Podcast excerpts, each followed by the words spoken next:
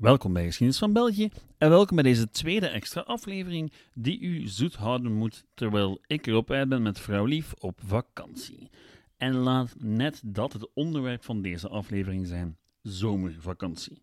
Want net als met zoveel andere doodgewone fenomenen van het dagelijkse leven, heeft de zomervakantie een historisch waarom.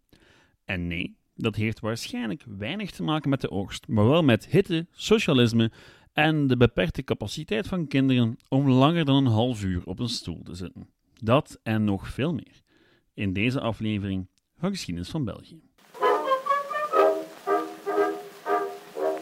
Zomervakantie. Zomervakantie staat voor de meeste van ons zowat gelijk met schoolvakantie en laat net dat een gevoelig onderwerp zijn in dit huishouden. Want ja, uw dienaar is leerkracht en kan dus genieten van een voor een normale medemens obscene hoeveelheid vakantie. Alles bij elkaar geteld zo'n drie maanden per jaar. Mocht u een vriend of familielid hebben die toevallig leerkracht is en u wilt deze de kast opjagen, dan moet u die drie maanden zeker vermelden in een gesprek. Want jongens, krijgen we daarvan op onze heupen. Los van de discussie of al die vakantie al dan niet terecht is, en of we die zomervakantie niet zouden moeten inkorten, wil ik vandaag een andere vraag beantwoorden. Waar komt die vakantie eigenlijk vandaan? En wat was de achterliggende logica? Beginnen doen we met het woord vakantie. Afkomstig van het Latijnse vacare, dat simpelweg staat voor leeg zijn of vrij zijn, zoals vacature. Oftewel, vrij zijn van verplichtingen in deze context. En de term wordt al eeuwen gebruikt om vrije dagen te benoemen. Bijvoorbeeld in het geval van religieuze feestdagen, zoals kerstmis of Pasen.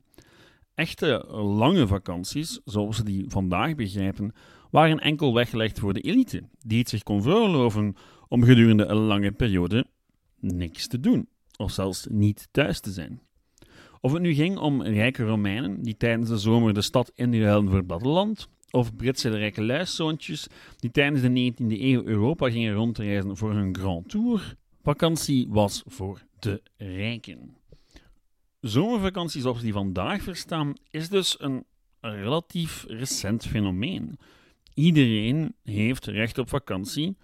De een wat meer dan de ander, maar iedereen heeft vakantie. Iedereen heeft een moment in het jaar waar ze niet werken. En de zomer is daar de uitgelezen periode voor. Zomervakantie, zoals we het vandaag verstaan, is volledig gelinkt aan het onderwijs. Modern onderwijs, weliswaar. Want ja, je had wel degelijk kathedraalscholen en dergelijke vanaf de middeleeuwen, maar pas vanaf de 19e eeuw ging echt het merendeel van de jeugd naar school. En hoe verder die eeuw vorderde, hoe meer landen kinderarbeid afschaften en de schoolplicht invoerden. Wat dat dan met onze hedendaagse zomervakantie te maken heeft? Wel, alles. Een idee dat nog steeds leeft bij heel wat mensen is dat de vakantie werd ingevoerd om kinderen de kans te geven hun ouders te helpen bij de oogst. Een idee dat de laatste jaren ontkracht is geweest door historisch onderzoek.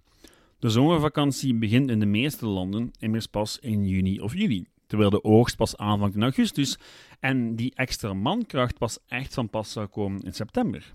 Of in het voorjaar, als er gezaaid moest worden. Dus landbouw lijkt niet meer zo aannemelijk. Maar wat dan wel? Wel, reden nummer 1: pedagogische noodzaak. Want kinderen kan je niet eindeloos gijzelen. Neem het maar van mij aan. Hoe langer een schooljaar duurt, hoe meer leerlingen en leerkrachten zich van weekend naar weekend en van vakantie naar vakantie sleuren. In elke leraarskamer lopen er wel leerkrachten rond die het exact aantal dagen en weken tot de volgende vakantie kunnen geven al zijn het waarschijnlijk de leerlingen die nog het meeste nood hebben aan vakantie. Oh, en leerkrachten hebben ook tijd nodig om bepaalde zaken voor te bereiden op iets langere termijn. Om nog maar te zwijgen over directies die alleen maar echt aan de slag lijken te kunnen als de hele school leeg is en ze niet onderbroken worden omdat Jury op het gezicht van Ibrahim heeft geslaan. Random voorbeeld.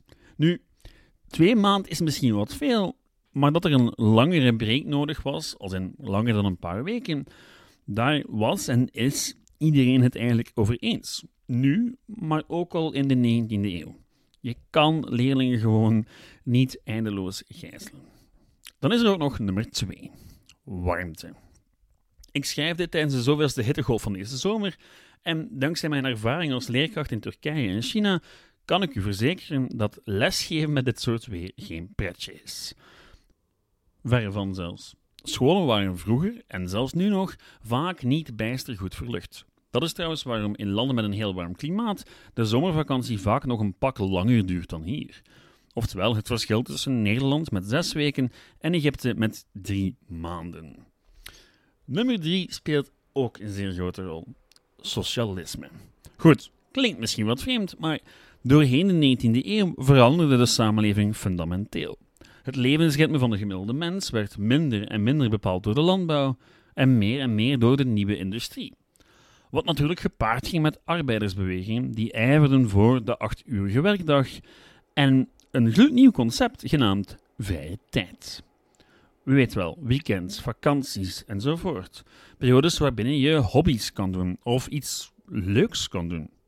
En al die zaken werden langzaam maar zeker ook in wetten gegoten. Van rariteiten die voorbehouden waren voor de elite, werden ze rechten. Rechten die in de wet werden vastgelegd. Maar vakantie aan het begin van de 19e eeuw nog exclusieve terrein was van de burgerlijke elite, kon tegen de jaren 60 en 70 van de 20e eeuw zowat iedereen er voor een tijdje tussenuit. Betaald vaak zelfs. En met de kindjes. Want ja, die waren toch thuis. In België gebeurde al het officiële vastleggen pas in de 20e eeuw. Het fenomeen zomervakantie bestond al een stuk langer, maar pas met de invoering van de leerplicht werd de twee maand lang durende zomervakantie, zoals we die vandaag kennen, een dingetje. Zij het onofficieel. Want op zeer veel plekken moesten er nog vergaderingen vastgelegd worden, waar dan alle burgemeesters van een bepaalde regio samenkwamen om te bepalen wanneer het de zomervakantie zou beginnen voor hun stad of voor hun regio. Het duurde tot 1945 voordat men een echte begin- en einddatum vastlegde. Van 20 juli tot 17 september om precies te zijn. Drie jaar later, in 1948, werd de wet gewijzigd en kwam de vakantie te liggen van 1 juli tot 31 augustus. Oftewel, zoals het vandaag de dag nog steeds is. En ook al klinken er recent weer wat geluiden om daar veranderingen te brengen, voorlopig blijft de zomervakantie twee maanden lang. Goed, tot daar deze zeer korte verhandeling over het waarom van de zomervakantie. Natuurlijk zouden we nog een stuk dieper kunnen gaan, want eens je begint na te denken over iets doodgewoons als, als vakantie, heb je het al snel over zaken als de 8 uur werkdag, betaalde vakantie enzovoort. Oh, en de kust. Nog zo'n concept.